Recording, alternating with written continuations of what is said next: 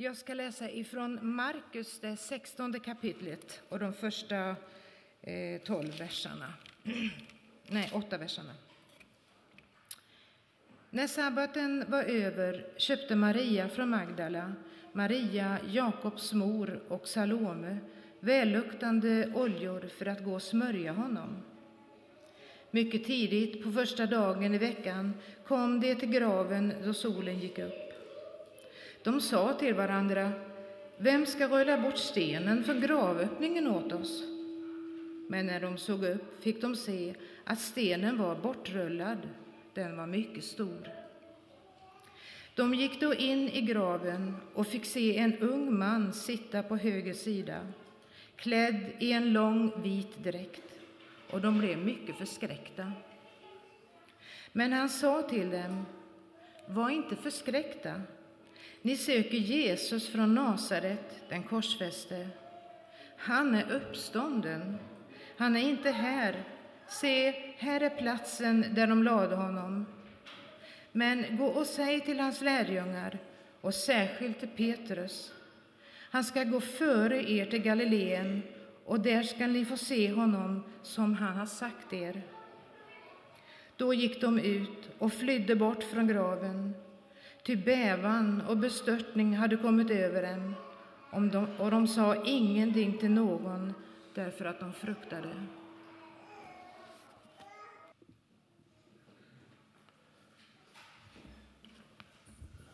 I fredags så träffade jag en eh, vän till mig som var full av glädje för han nyligen hade blivit pappa för första gången.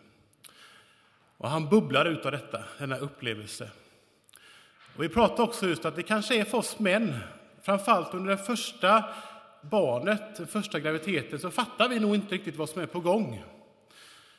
Ni eh, kvinnor, ni mammor, ni fattar vad som är på gång. Ni har det i er. Men för oss blivande pappor, vi förstår nog inte riktigt. Till den dagen då vi är på det första ultraljudet. Och man får den här raddan med foton. Då ser man att ja, det är sant. Det är ett barn där inne. Det går inte att missförstå. Det är tydligt. Det är fakta. Vi ska bli föräldrar och jag ska bli pappa. Ibland så behöver vi få se med våra ögon för att kunna få tro. Och ibland är det också så att vi måste välja, vilja välja att tro vad vi vill se. Eller att, att se och sen att vilja tro. Jag har berättat förut, och många känner mig här inne, att jag jobbat tidigare i skogen. Och jag tycker kalhyggen är vackra. Jag tror inte det är så många här som tycker det, men jag tycker det. Och man kan stå två personer och titta på ett kalhygge och den ena personen, allt han eller hon ser, det är vilken, vilken fruktansvärd mark. Här har någon gått fram. Här är ju dött. Här finns det inget liv. Här är bara död.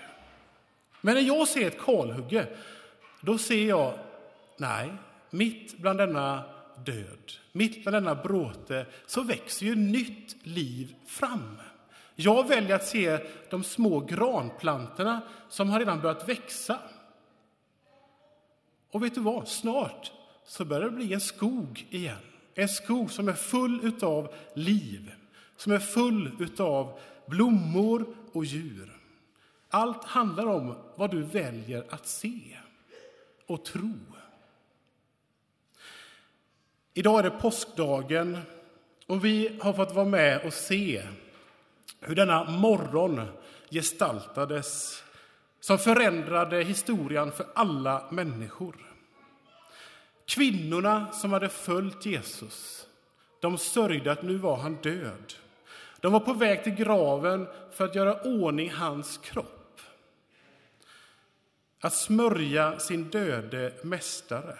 Och deras förväntan den var att just möta en död kropp, en död man. Och de gick och småpratade med varandra och de hade ett problem. De visste att det skulle vara en stor sten där. Hur ska de få bort den? Men när de kommer närmare så ser de att stenen är bortrullad.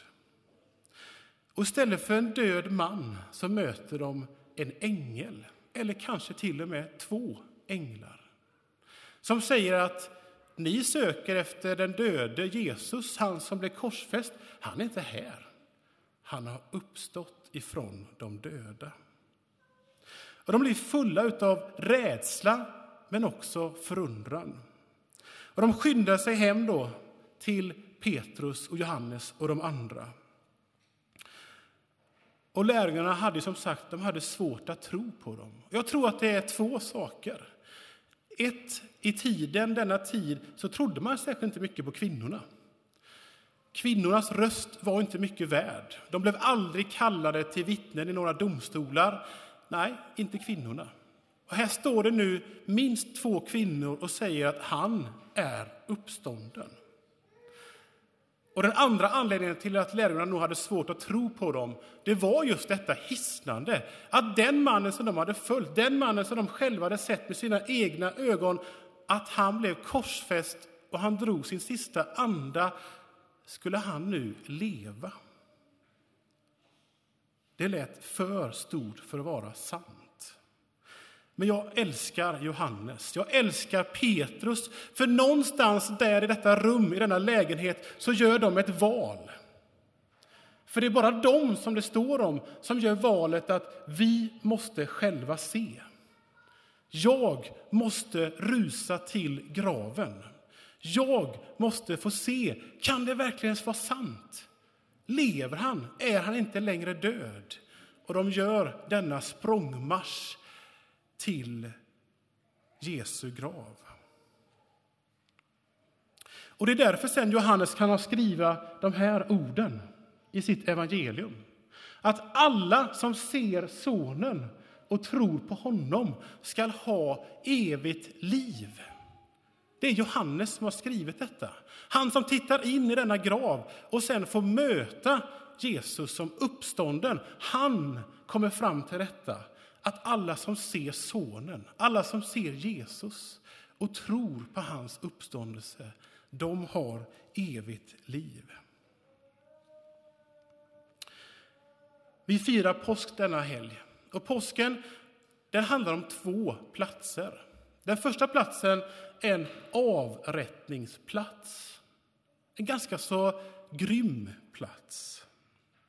Och vad har den platsen för betydelse för dig och mig idag, som lever 2018?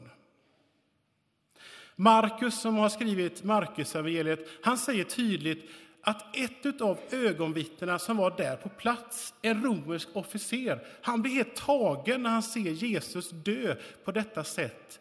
Och han brister ut att den mannen var verkligen Guds son. Och det förändrar allt. Om Jesus bara var en vanlig människa som dog på ett kors så var han ingen unik. Det hände lite då och då i Jerusalem att människor dömdes till just detta. Men om han verkligen var Guds son, då förändrar det allt. För då har hans död betydelse för ditt liv här och nu. För det var för dig, och det var för mig, det var för oss, det var för alla människor som han dog. Det är lärjungarnas stora berättelse om Jesu kors. Där och då tog han på sig allt det som vi har ställt till med. All skit i våra liv, allt det som Bibeln kallar för synd, allt det som har dratt oss bort ifrån Gud och som varit som ett hinder i vår gudsrelation, det tog han på sig själv när han sträckte ut sina armar. Så Jesu död på korset har betydelse för dig idag. Det är en plats av förlåtelse. Det är en plats av nåd in i ditt liv. Den andra platsen som påsken handlar om är just den tomma graven. Och vad har den för betydelse för dig idag, 2018? Den tomma gravens betydelse, budskap, det är just detta att Jesus lever. Han är inte död. Och när han uppstod ifrån de döda så besegrade han all ondska, ja, djävulen själv, och han tog musten ur döden. För han uppstod ifrån de döda. Och nu erbjuder han evigt liv. Han erbjuder en evig gemenskap med Gud. Där det inte finns någon skam, där det inte finns någon skuld, där det inte finns någon smärta eller sjukdom eller elände. Utan där finns bara glädje. Det erbjuder nu Jesus Kristus. Och det är precis detta som det kristna hoppet handlar om. Att döden behöver inte vara slutet. Utan Jesus sträcker ut sin hand och erbjuder ett evigt liv.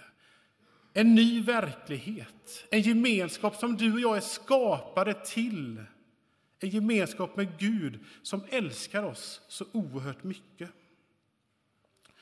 Så påsken handlar om dessa två platser och de har betydelse för ditt liv.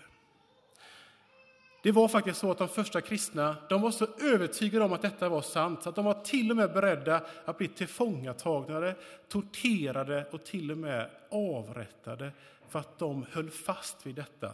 Den mannen som ni avrättade, han är Messias, han är Guds son, han lever. Och jag kommer aldrig sluta ropa ut den sanningen. De dog för det. De var tolv personer som höll fast vid det. De var ögonvittnen som såg att detta är sant. Och jag kommer berätta det för hela världen om det så är värt det. Och idag så är denna rörelse kring Jesus den uppståndne den största rörelsen, den största kyrkan i hela världen. Cirka två miljarder människor vandrar just nu på vår jord. Och alla säger samma sak. Jajamän, det är sant. Han lever. Graven är tom. Jag har själv mött honom och han har förändrat mitt liv.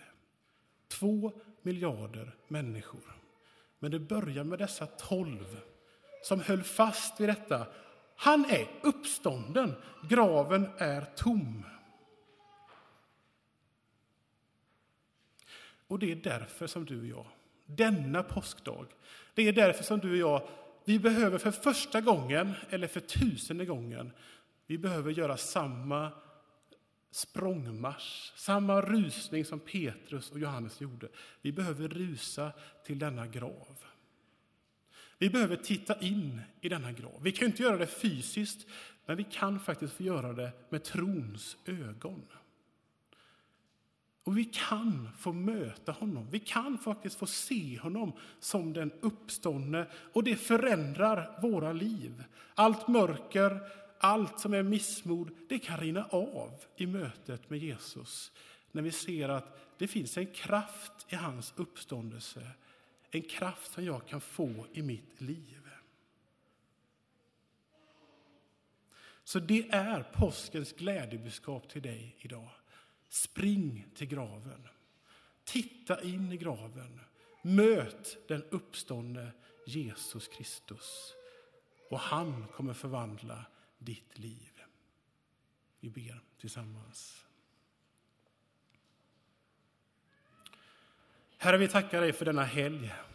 Därför att du är den som har lett oss genom mörkret, genom vandringen i Getsemane, där vi insåg hur ynkliga vi är, hur trötta vi är, hur svårt vi har det att verkligen vara nära dig när du som mest behöver oss. Och du har lett oss till Golgata kulle där vi anar och ser att du dog för mig.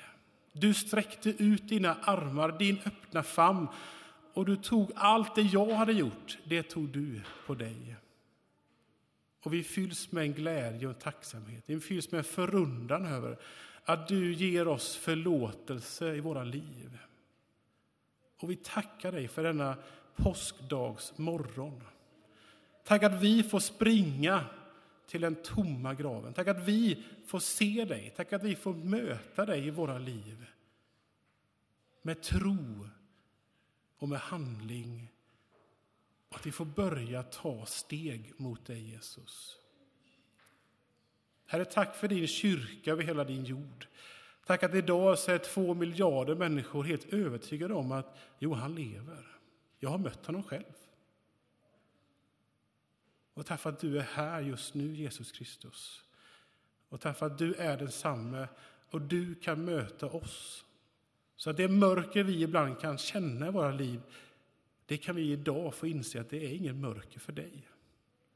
För ditt ljus, din uppståndelsekraft vill lysa in i våra liv.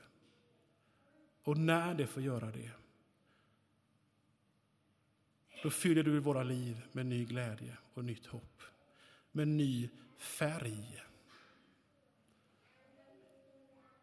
I Jesu namn. Amen.